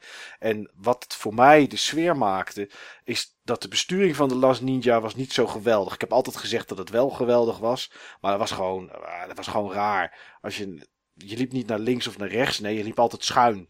Ja. En, en aanvallen deed je door de vuurknop ingedrukt te houden en de joystick naar boven te doen om aan te vallen en naar beneden om te verdedigen. Ja, dat was natuurlijk dat, dat werkte gewoon niet prettig. En daardoor ging ik heel vaak dood in het eerste level. Dan heb ik die muziek heel vaak gehoord. En was het voor mij was weer bepalend voor dat level, voor die moeilijkheid. En Ja. het was dan ook geweldig als je het level uitspeelde en naar de volgende ging. En een van die levels was het dungeon level. Eh, je was net over de helft heen van de game. En je was. eh, ja, de spanning steeg natuurlijk. Want je wist nooit hoe ver je nog moest. Hoeveel levels. Ondanks dat je wel inderdaad op bandje 2 kant A zat. Maar ja, hoeveel kwam daar nog? En daar had je kerkers. En aan de muren hingen skeletten. Eh, ondanks dat het Commodore 64 was, herkende je het duidelijk. Op de grond lagen skeletten. Er liepen wat ratten rond. En er zat een sfeermuziekje bij die, die er echt precies paste. Het was een beetje rare muziek, maar ook intimiderend. En eh, ja, dat was, dat was geweldig. Mijn hart klopte in mijn keel, weet ik nog. Want ik vond, ik was nog maar een klein ventje, ik was een jaar of 10, 11. Eh, en ik vond het echt spannend. Ik vond het ook echt wel eng. En toch waande je je doorheen, hè, liep je toch verder. En ja, als je dan die muziek daarbij hoort, ja, dat was. Je, kreeg er bijna kippenvel van. Zo, zo, zo eng was het. En als je dat dan overwonnen had, dan was er eigenlijk nog maar één ding. En dat was de Inner Sanctum. Dat was het allerlaatste level. Eh, dat was, eh, ja, eh, dat was muziek die je er doorheen trok. Hè. Je was aan het einde, je hoeft alleen nog tegen één eindbaas te vechten. Het was de muziek van de overwinning. En ja, als je deze muziek hoorde, dan wist je op een gegeven moment, je wist gewoon, ik, ik ben er bijna. En, eh, ja, als je de eindbaas verslagen had en de, muziek was zeg maar een beetje bombastisch was het. En je liep naar het einde van het game, daar had je een altaar en daar legde je dan een soort scroll op en dan knielde je. En er stond er op beeld niet mission accomplished of geweldig dat je het haalde of wat dan ook, maar er stond er the quest continues. En was aan de ene kant was dat verschrikkelijk, want je dacht, ja, het is afgelopen, er is niet meer bandje, er is niet meer Last Ninja. Dus je wist, er komt waarschijnlijk een 2 aan. Nee, dat, het was niet de Last Ninja. Nee, dat was het zeker niet. Niet, niet in dat level. eh. maar het is die muziek, die, ja, dit was, hè, waar je het net over had, Steve, was de muziek van overwinning. En dat, het Last Ninja was voor mij echt een enorme tocht. Een enorme tocht naar het einde toe. En die was gewoon niet gemakkelijk. En, en daar zat bij mij ook nog eens de hele backstory bij. Dat ik maandenlang op zoek was naar die game. En het geld wat ik gespaard had, dat ik dat verloren had. Dus ja, dit, die game was voor mij een en al sfeer en, en, en, en emotie. En ja, deze muziek die, eh, heeft daar zoveel aan toe. Aan toe eh,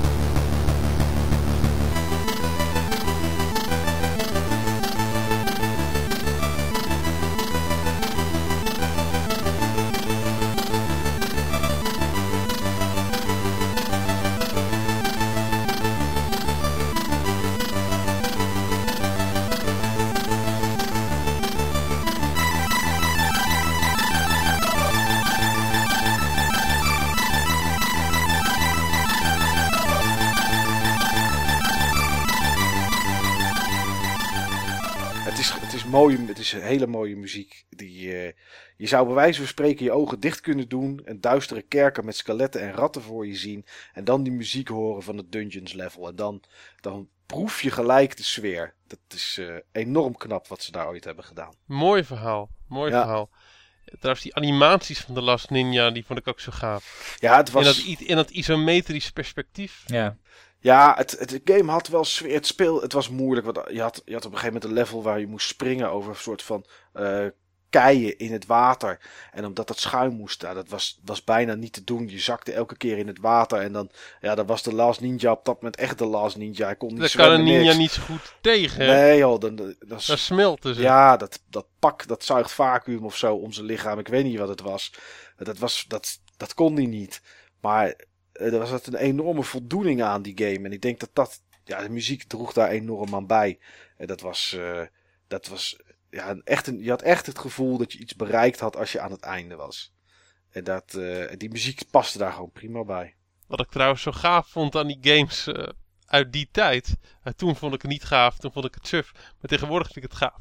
Gewoon die enorme omlijstingen die zeg maar om dat schermpje eh, heen zitten. Ja. Dat zeg maar, dat je bij wijze van spreken de helft van je scherm als het niet meer is, gewoon kwijt bent aan zeg maar je power en je weaponry en je health. Allemaal dat soort dingen. Ja, nutteloze logo's die gewoon bovenin staan Ja. waar helemaal niks aan hebt. Zo mooi. En ik vroeg eh, me altijd, tenminste toen niet, maar later vroeg je dat wel af. Of dat kwam dat de game in fullscreen gewoon te veel power of zo trok van, van de console. Of de... Veel games wel. Veel Ja. games wel. Veel games kon je ook beter laten draaien. Door ze in een kleiner eh, schermpje te zetten. Duke Nukem kon je bijvoorbeeld zeg maar beter laten draaien. Door hem niet fullscreen te zetten. Ja, nou ja, dat is... Je hebt er heel veel games gehad die dat, eh, die dat trucje natuurlijk eh, deden. Maar Last Ninja was dat, was dat inderdaad ook. Je had maar een klein, een klein schermpje. Maar door de awesomeness die de game had, ja, boeide je dat helemaal niet. Nu zou je, nu zou je het niet slikken. Nu zou je zeggen, wat is dit? Weg ermee. Maar het was inderdaad meer... Het was Ja. meer... meer Wat voor, in, wat voor indie junk is dit zou je denken? Ja, ja. Hebben ze weer teruggegrepen naar iets ouds om er zich lekker makkelijk ervan af te maken.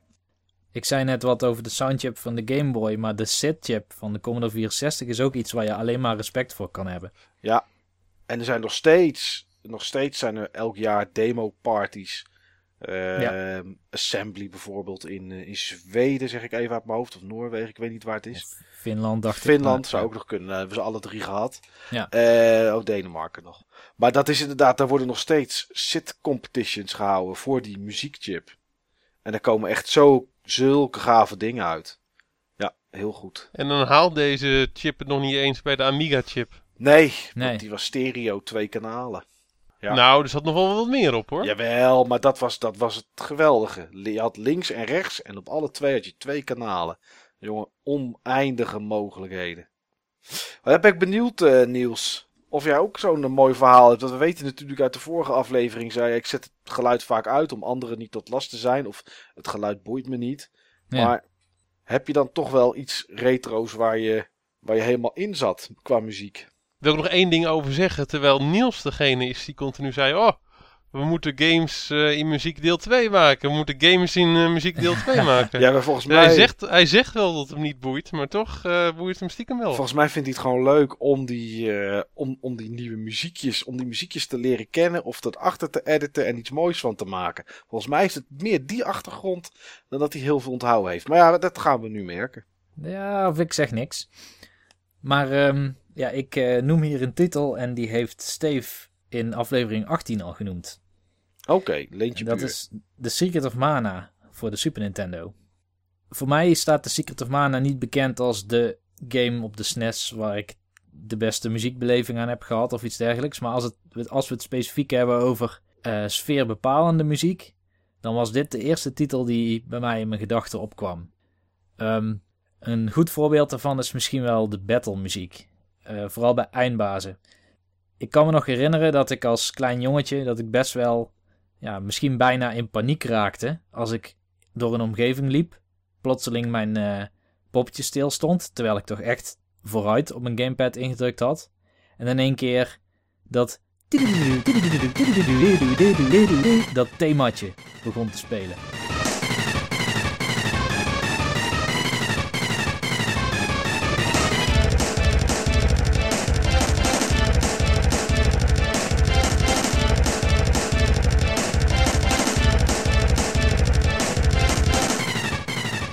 Dan dacht je echt van shit. En ik, eh, ik heb al een half uur niet meer gesaved. En ik heb geen candy, eh, zeg maar health potions.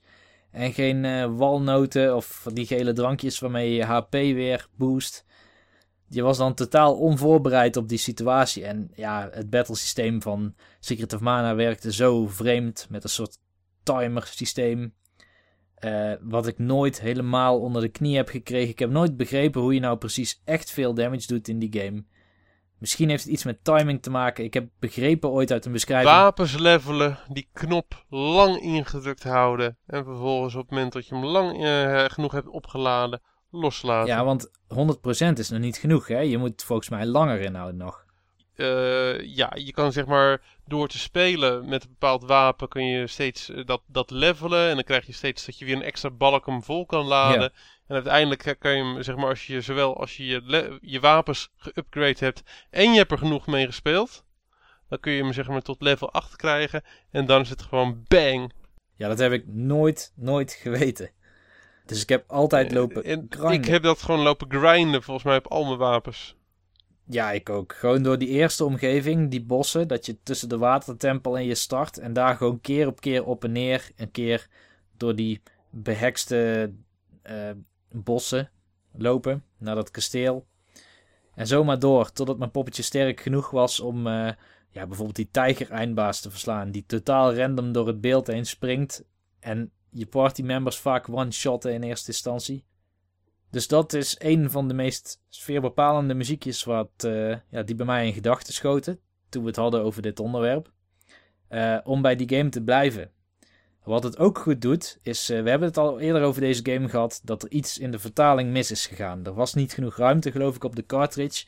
En daardoor hebben ze heel veel van het verhaal achterwege gelaten. En springt het verhaal soms van de hak op de tak. Ik heb althans nooit begrepen waar het nou precies over ging.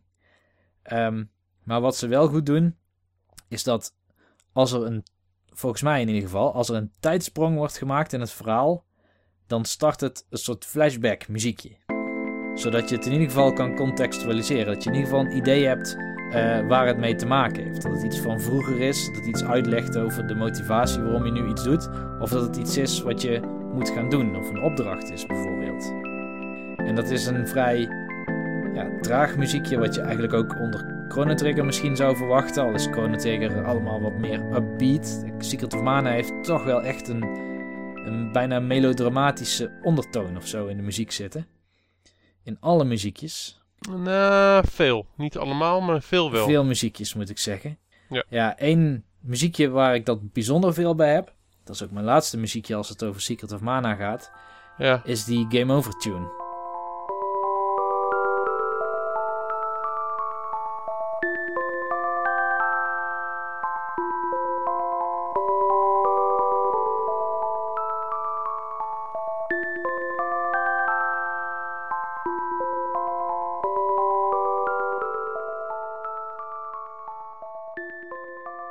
Dat is een soort ja, xylofoonachtig deuntje.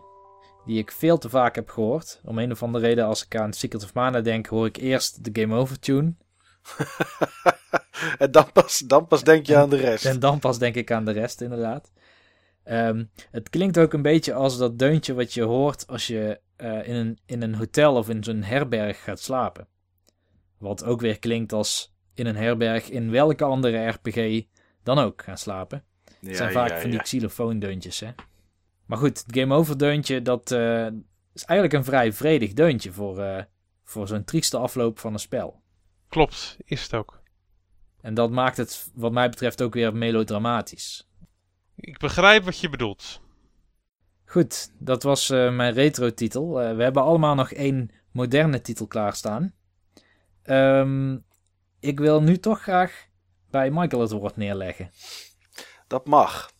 Ik wil eigenlijk heel. In deze podcast breken wij of benden we eh, vaak de regels. Dat buigen we ze een beetje, zodat we een beetje in ons eigen straatje kunnen, kunnen, kunnen kletsen. Ja, Ehm, ik had namelijk voor mijn retro game eerst een andere titel staan. Alleen in die hele game zit maar één muziekje.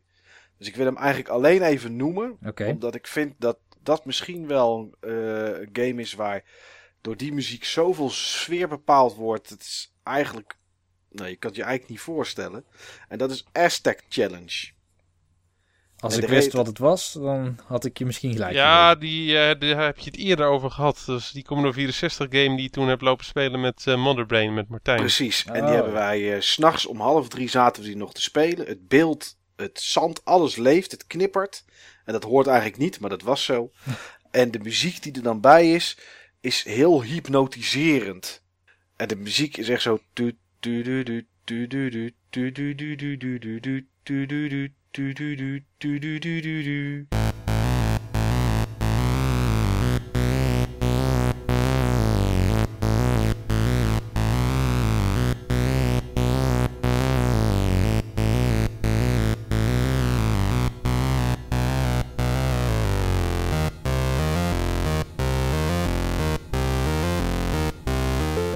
Dat uren achter elkaar hoort, want dat heb je nodig om het uit te spelen. Je kan het niet uitspelen, het is, blijft in een loop zitten.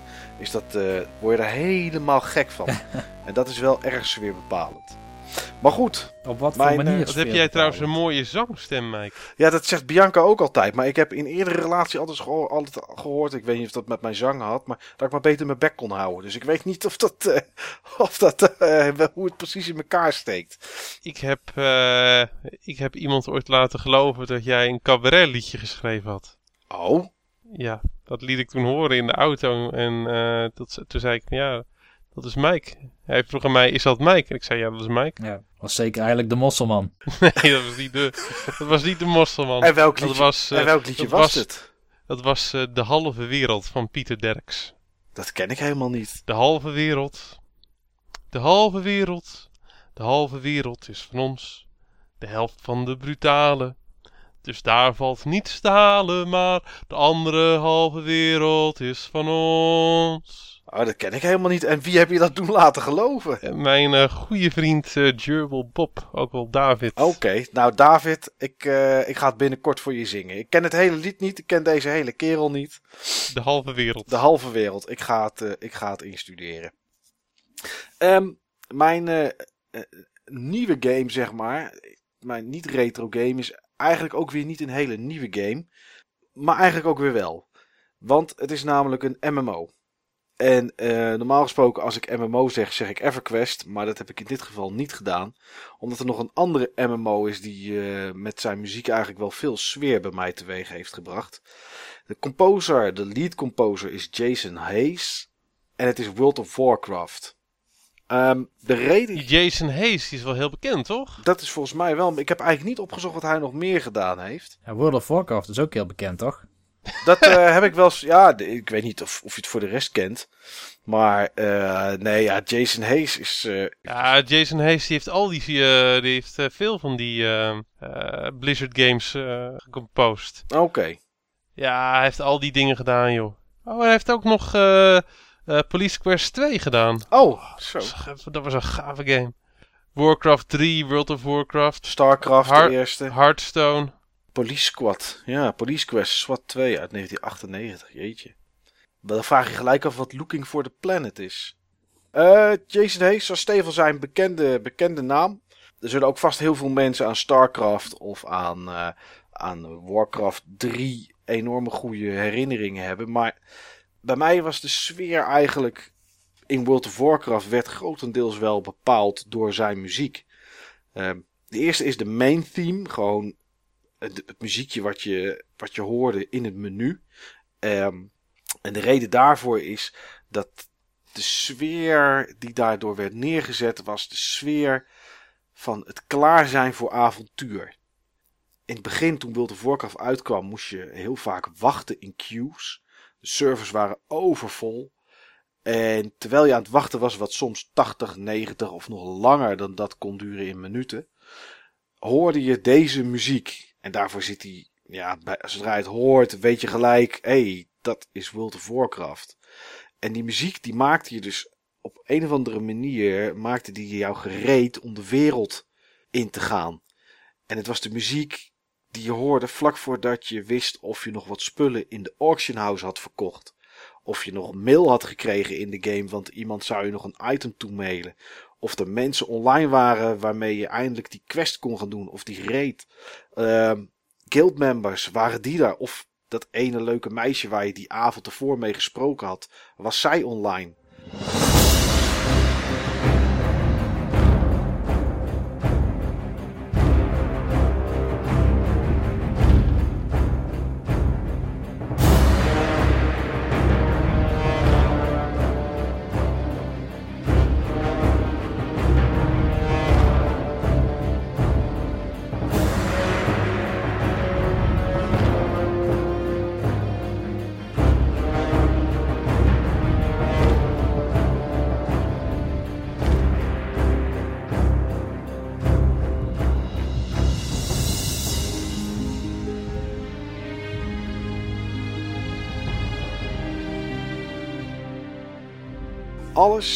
Wat die muziek in zich had, was de sfeer die jou klaarmaakte om die grote wereld in te stappen.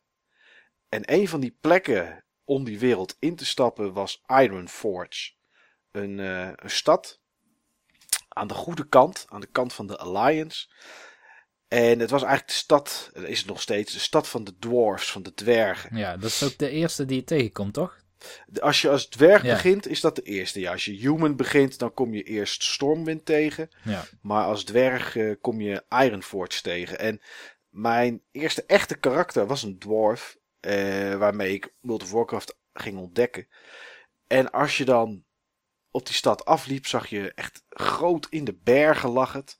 Je zag een, een hoge ingang. Grote beelden die daarvoor stonden. En je liep naar binnen en het, je had echt het gevoel van... Nou, hier kan een reus naar binnen lopen. Zo groot is het.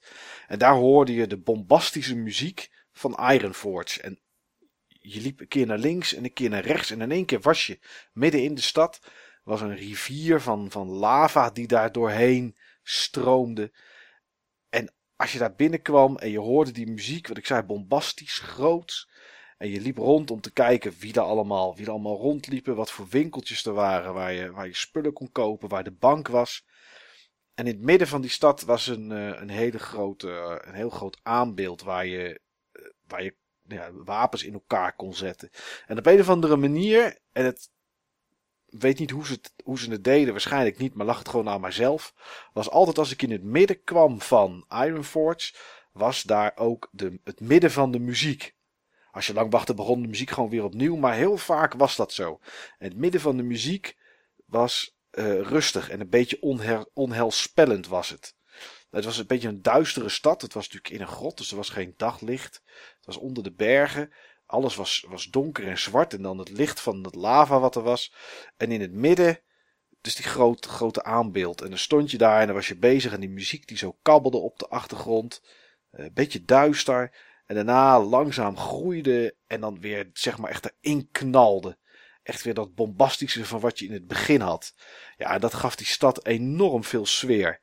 En dat is, eh, ja, dat geweldige muziek was het. En die paste er zo goed bij. Er zijn zoveel zones of gebieden of steden die, die ook muziek hadden. Maar de muziek van Iron was, was echt memorabel.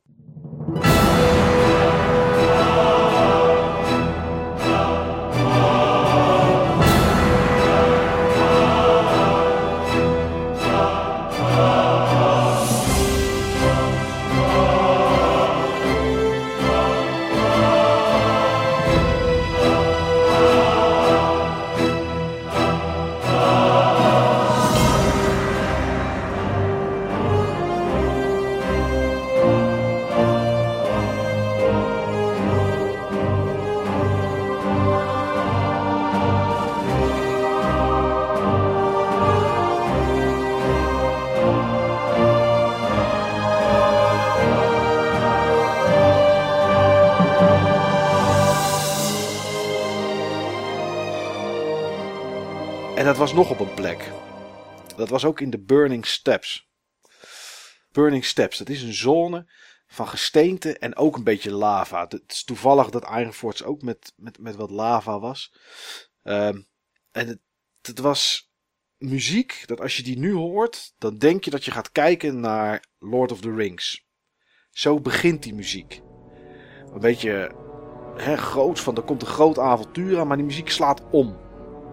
En wat die muziek dan doet, is je ongemakkelijk laten voelen. Je hebt er een gevoel bij dat er elk moment gevaar op de loer ligt. Dat als je een paar stappen doet en je gaat een hoekje om, dat daar de dood je recht in je ogen kijkt. Elke stap kan je laatste zijn. En die muziek, die past daar perfect bij. Dat klinkt wel heel sfeervol. Ja, is het ook. Kippenvelachtig. En ehm ja, natuurlijk, als je op een gegeven moment de zones kent en je weet waar het gevaar ligt of wat dan ook, dan heb je dat niet. Maar sfeer wordt toch vaak bepaald door de eerste keer dat je er bent. En de eerste keer dat je daar je avonturen meemaakt. En dat is natuurlijk bij een MMO heb je dat natuurlijk. Dat, hè, daar beleef je avonturen samen met anderen. En als je dan vaker terugkomt in die zone, en je hoort de muziek weer, dan neemt je dat toch altijd weer mee terug naar dat eerste moment. En toen ik vandaag de muziek van de Burning Steps eventjes aanzette om nog eventjes een keer te luisteren, bekroop me datzelfde gevoel. En dat is, uh, en dat is dan toch het teken van echt een goed stukje muziek die, uh, die, ja, die gewoon heel veel sfeer met zich meebrengt. Ik ben er stil van. Dat je zo, zo een tijd mooi, uh, verbeeldend en dramatisch kan vertellen over zo'n domme scheidgame. Ja, maar ja, dat zijn uh, miljoenen mensen niet met je eens, Nee. Niels. En dat, uh, dat mag, maar dat is. Uh, ja, ik heb, ik heb nu niet meer, maar ik heb enorm veel leuke avonturen beleefd in die game. En dat is. ja, dat houdt. Dat houdt dan gewoon die, die muziek in stand. En zodra je het hoort, dan neemt je dat toch weer mee terug. En ik denk dat sfeerbepalende muziek die dat kan, dan is het, kan je niks anders zeggen dan dat het perfect gecomposeerd is. Ik moet ook wel toegeven, ik kan er geen mening over hebben, want ik heb weliswaar World of Warcraft één keer gespeeld, maar dat was zonder muziek. Oké, okay, Ja. ja. En hoe lang heb je het gespeeld? Ehm, ik was een dwarf, ik moest 20 bandana's halen. Ik heb er denk ik vijf gehaald, toen waren ze op, toen moest ik wachten tot ze respawnden. Ja. En ja, je moet je voorstellen, je moest een of ander beest aanvallen en dat is gewoon klik op het beestje en op de truc waarmee je hem aan wil vallen en dan wachten. En dan valt hij. En dan heb je misschien een bandana. Dus dat was voor mij de reden dat ik er, uh, nou, toch na een uur of twee al wel mee stopte. Oké, okay, nou. Ja, dat is, het is niet voor iedereen, MMO's. En zeker niet uh, grind MMO's, want dat is toch wel een beetje wat World of Warcraft uh, is. Was. Was. Nou ja, de quests zijn nog steeds wel zo.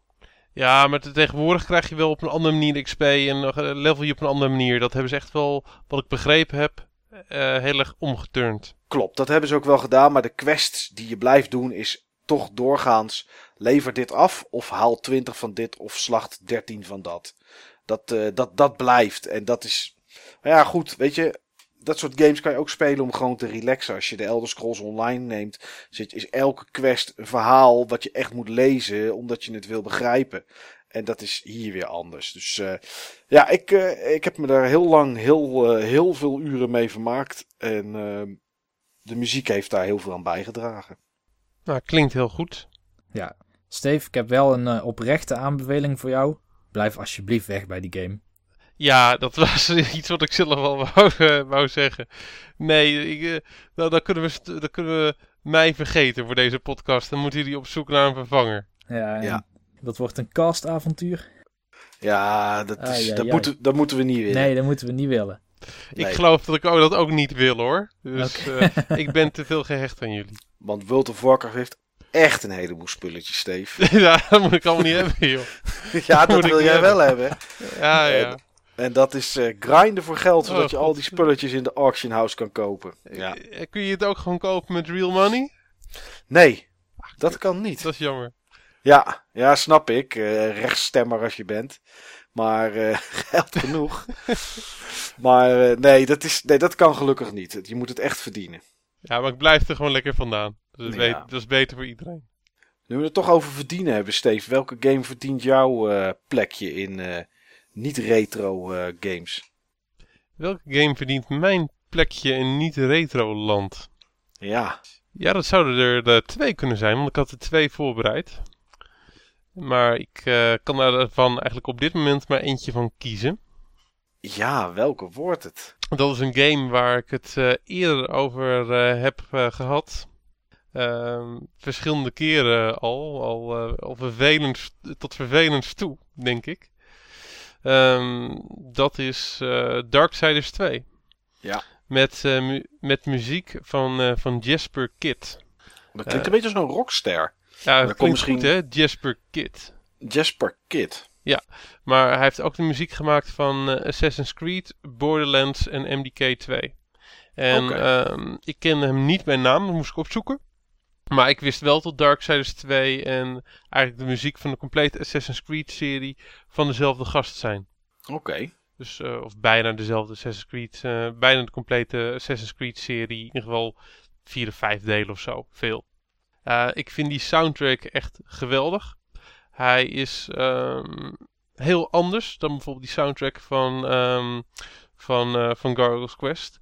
Ehm, het gaat gewoon echt alle kanten op. Het, het is van, van ambient tot episch. Eh, soms is de muziek heel bombastisch, soms echt bijna verstild. Ehm, je hebt heel veel opbouw. Die muziek die, eh, wordt echt heel erg, eh, heel erg opgebouwd in, in lagen. Het is, ehm, het is herkenbaar, maar complex. En daardoor niet 1, 2, 3 eh mee te neurien. Ja, het is herkenbaar met name door de hoeveelheid uren die je zeg maar eh, in die wereld rondloopt. Omdat je die muziekstukken hoort. Er zijn ook veel dingen die terugkomen.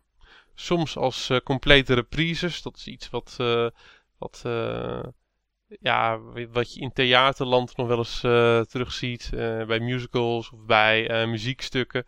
Dat zeg maar een, eerder, een eerdere compositie in een iets andere vorm. Meestal ook in een kleiner stuk terugkomt. Eh, soms zijn het ook echt hele kleine stukjes. Soms zijn het niet eens eh, reprises. Soms zijn het gewoon kleine snippets of lijntjes die gebruikt worden als basis van een ander stuk. En wat ik er met name knap aan eh, vind, is hoe die Jasper Kidd de gebieden in Darksiders, die ook best wel verschillen van elkaar, ook echt een andere sfeer mee kan geven. Anders dan bijvoorbeeld in een Zelda. Een Zelda waar je dat ook hebt. hebt daar heb je ook wel gebieden die echt een eigen sfeer hebben. Maar het is veel gelaagder, veel genu- genuanceerder. Het voelt anders, maar de verschillen zijn ook net even iets minder groot. Eh, maar hij weet wel echt een ander eh, gevoel ermee eh, op te wekken, een ander snaar te raken.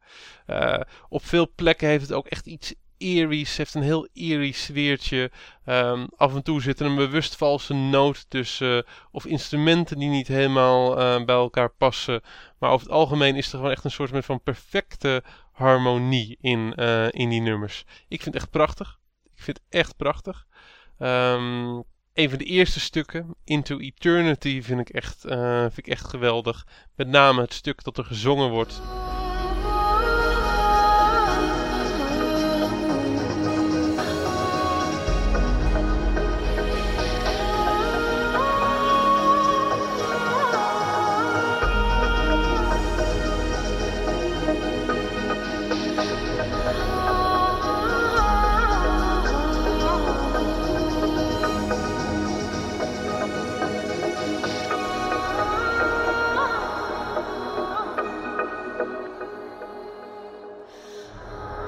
Death Brings Hope vind ik echt een heel mooi stuk. Dat komt ook op verschillende plekken eh, weer, eh, weer terug. Ehm, onder andere in eh, het baasgevecht tegen The Guardian. Ehm, ook een heel mooi stuk. En zo zitten er echt wel meer stukken in. Het is echt een bijzondere, bijzondere soundtrack.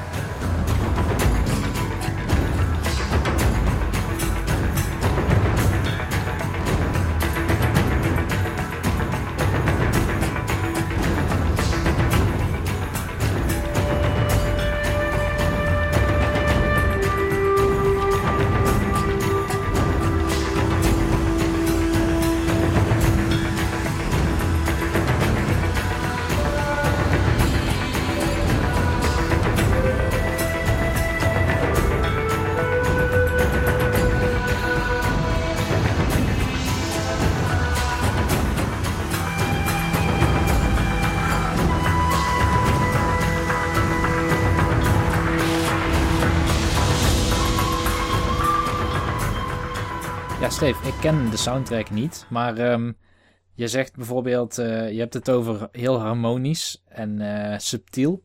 Ja. Um, moet ik me voorstellen, kijk bijvoorbeeld Zelda is toch redelijk melodieus en het zijn echt dat themaatjes en dingetjes. Ja, dat heeft hij niet. Nee, het is eh, meer soundscape, moet ik me zoiets voorstellen? Ja. ja. Oké. Ja, ik zou zeggen, luister het. Hij staat compleet op, uh, op YouTube.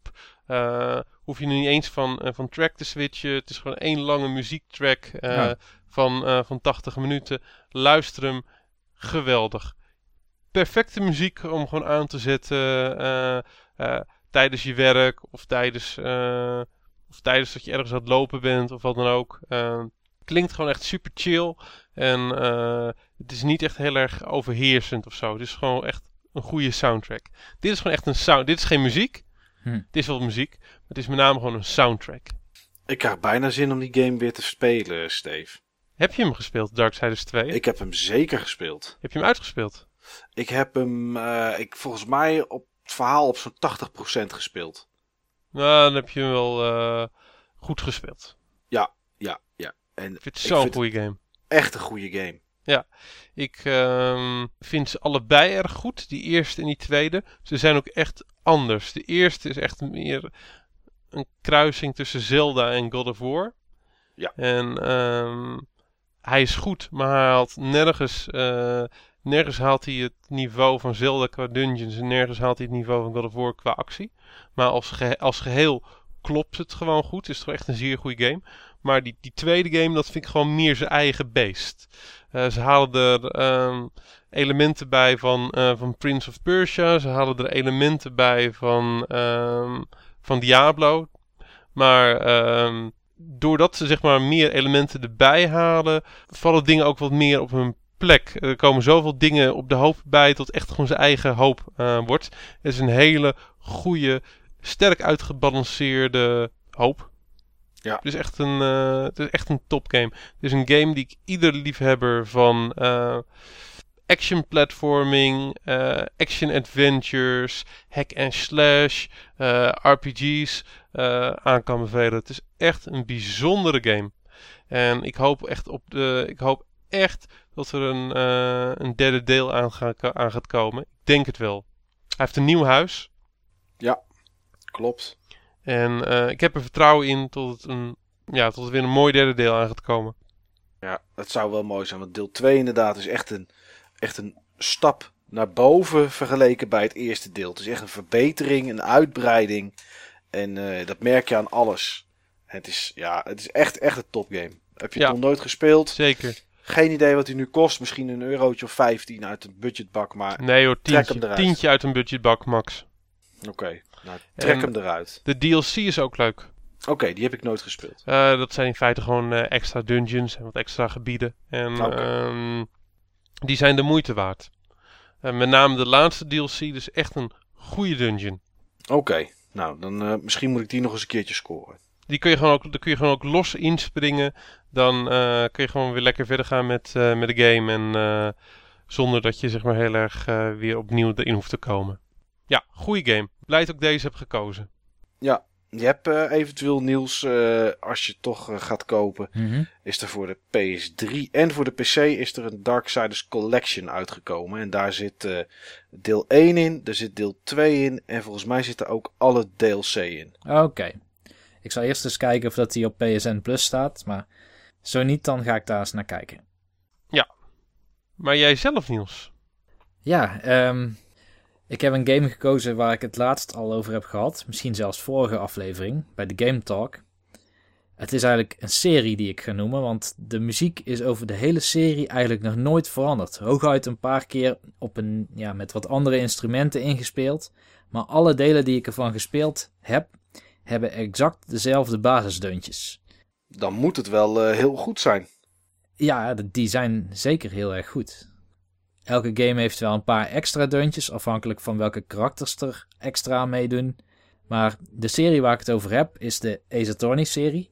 Oké. Ik denk voor velen meer bekend als de Phoenix Wright serie, want in Europa hadden die DS-doosjes, die hadden heel groot Phoenix Wright op het doosje staan en een heel klein daaronder Ace Attorney. Bleek later dus dat de serie Ace Attorney heet en Phoenix Wright gewoon de protagonist was van dat deel. In deel 4 speel je Apollo en in deel 5 ook, in ieder geval in het begin. Dus het is de Ace Attorney serie, niet per se de Phoenix Wright serie. Oké. Maar goed, ehm, ook had ik in de vorige aflevering al een deuntje van Phoenix Wright gestopt. Een, een, eh, een jingletje tussen twee eh, rubrieken in. En toen had ik eigenlijk nog helemaal niet erover nagedacht dat ik deze aflevering ook Phoenix Wright als modern voorbeeld zou kiezen voor, eh, voor een soundtrack die sfeerbepalend is. Ik heb hem vandaag nog zitten spelen in de bus. Eh, maar om een voorbeeld te geven, eh, afhankelijk van hoe je het doet in de rechtszaak of waar je mee bezig bent, beginnen bepaalde deuntjes te spelen. Bijvoorbeeld eh, als jij een ondervraging of een cross-examination, zoals ze die noemen in de games, als je daarmee bezig bent en het is al wat dieper in de game, dan zit daar een vrij neutraal deuntje in, waarvan je niet weet eh, of dat het onheilspellend is of juist niet. Het is moeilijk te omschrijven, dus eh, hij speelt nu af terwijl ik dit spreek. Ehm, maar tijdens die ondervraging ja, ben je dus redelijk alert op tegenstrijdigheden in de, de getuigenissen die eh, worden verklaard. En daar helpt deze muziek zelfs bij. Ik heb speciaal oortjes gekocht voor mijn 3DS om de muziek te kunnen horen in deze game. Maar is de muziek dan niet alleen sfeer bepalend, maar ook eh, bepalend of je de juiste kant op gaat in je, in je verhoor? Het helpt wel degelijk. Eh, het is niet bepalend, want je moet het nog steeds met bewijs doen. Ja. Maar zoals ik net bij Secret of Mana zei, dat je een area inloopt en in één keer hoor je het, eh het, het boss battle deuntje. Zoiets zit hier ook in. Eh, soms ben je als advocaat in een toestand waarin je dacht dat je alles in de hand had, dat je de zaak compleet had opgelost en vervolgens roept de officier van jus- justitie in één keer hold it of objection. Terwijl je dacht dat je waterdicht kon aantonen dat jouw cliënt onschuldig was. Nou, en dan begint zo langzamerhand het suspense deuntje te starten. En dan denk je echt als speler van shit.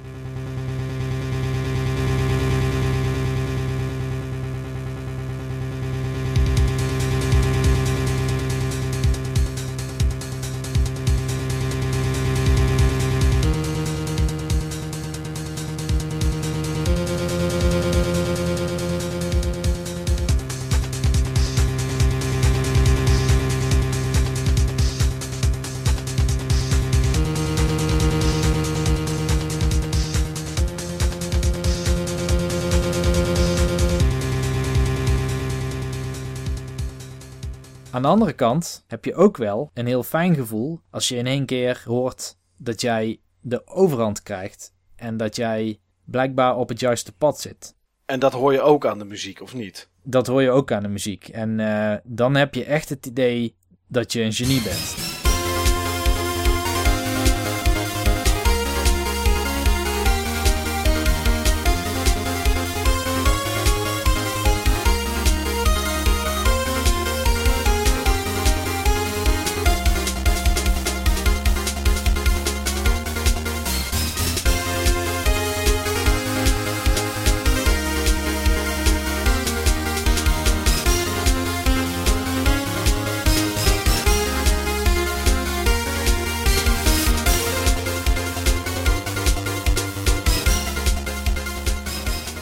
Ja, ja, ja. Door de muziek en da daardoor dus de sfeer die het neerzet, geeft je het gevoel dat je iets ontrafeld hebt, zeg maar. Dat Precies, je ja. juist ja, op ja. pad zit. Dat is heel knap gedaan. En eh, ja, Ace Attorney, ik vind het een prachtige soundtrack sowieso. Ik heb er jazz-orchestraties van op, eh, op mijn iPod. Maar in deze zin, ik heb het nu niet gekozen omdat ik het mooie deuntjes vind. Maar echt gekozen omdat het ja, bijna een soort, ehm, soort voortekens zijn van wat er gaat gebeuren in de spellen. Ja, het zet aan tot wat er komen gaat, zeg maar. Ja, dus het is echt één met het spel. Het is niet meer een achtergronddeuntje of zo. Het heeft echt een functie in het spel die echt ja, zo gedesigned is. Oké. Maar dat eh, was dus mijn moderne keuze, Ace Attorney. Ja. Ja, ik heb, haar eigenlijk, ik heb het natuurlijk wel gespeeld heel eventjes. En eh, ik vond het niet zo. Ik heb het op die manier niet ervaren. Misschien, misschien omdat ik er ook ja, op die manier niet op gelet heb, inderdaad. Ja, het helpt natuurlijk dat ik al eh, vijf andere Ace Attorney games heb gespeeld. Ja. Dus ik ken de muziekjes wel. En ik, ik ben begonnen op de DS, geloof ik, het eerste deel. In Japan zijn ze op de Game Boy Advance eh, begonnen. Dus je zou ze bijna retro kunnen noemen. Ja. Misschien zelfs volmondig, ja, het is retro. Maar de moderne games die hebben dus nog steeds die, hoe moet ik het zeggen, die deuntjes en bijna die instrumentatie. Dus nog steeds een beetje chiptune-achtig, een beetje digitaal. nog steeds uit van die basis. Gaat nog steeds uit van die basis. Dat, eh, dat is precies wat ik bedoelde. Oké. Goed. Nou, dat waren onze keuzes voor muziek in games die sfeerbepalend waren. We hadden nog een topic uitgezet voor dit onderwerp, muziek in games deel 2. Daar hadden we niet die limitatie opgelegd, dat het sfeerbepalend moest zijn. Daar hebben we gewoon gezegd, wat is de muziek die je aanspreekt, die bij je is blijven hangen. Ehm, ik zit nu eh, naar het topic te kijken. Muziek in games deel 2, input voor aflevering 26. En eh, ja, er is te veel muziek om alles te laten passeren. Dus we pikken er gewoon af en toe eentje uit. Eh, eentje die, ook, die we ook nog niet hebben gedraaid eerder. Ehm, Mark noemt drie muziekjes. Donkey Kong Country 1 en 2 themaatjes en iets uit Doom. Nou, ik weet niet welk muziekje dat is. Donkey Kong Country Sticker Bush Symphony. Kent iemand voor jullie die? Nee, zeg maar niets. Maar ik vind het zelf een fantastisch stuk. Ja, een fantastisch stuk, zegt hij inderdaad.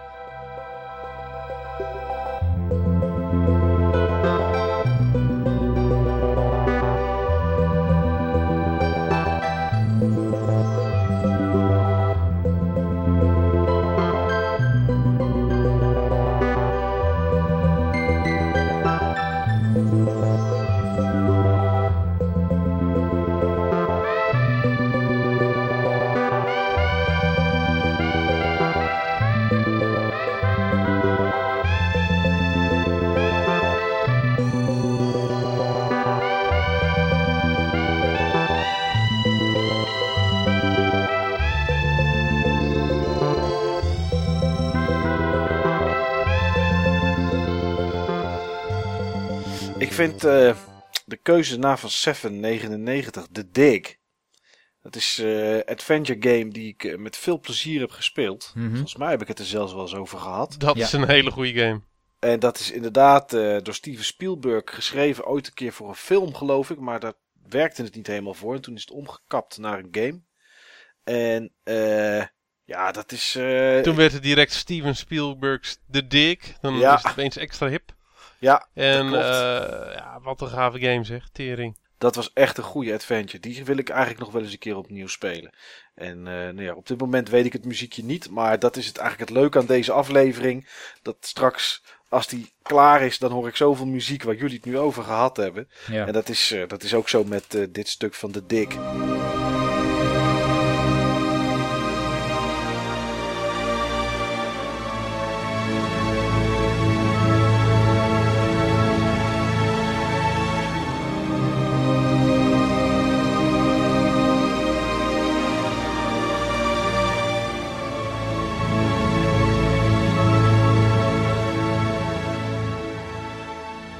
Chrono Trigger, een game die ik anderhalf jaar geleden nog heb gespeeld. Helemaal heb uitgespeeld.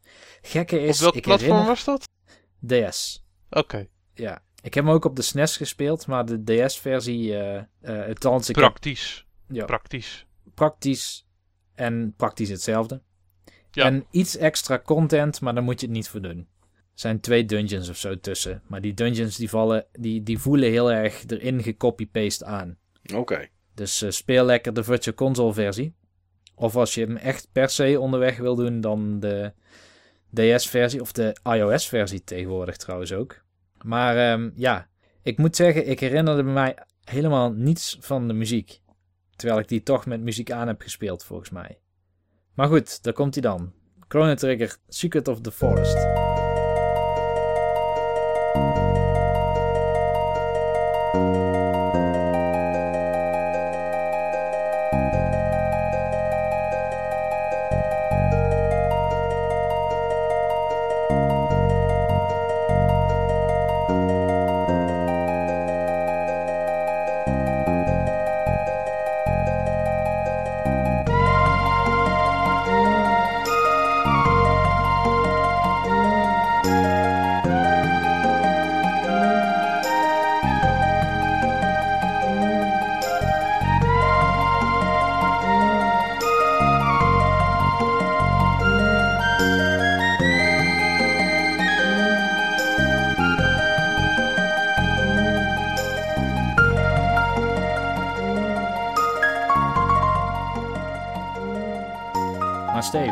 Hebt de afgelopen week wel heel veel muziek geluisterd.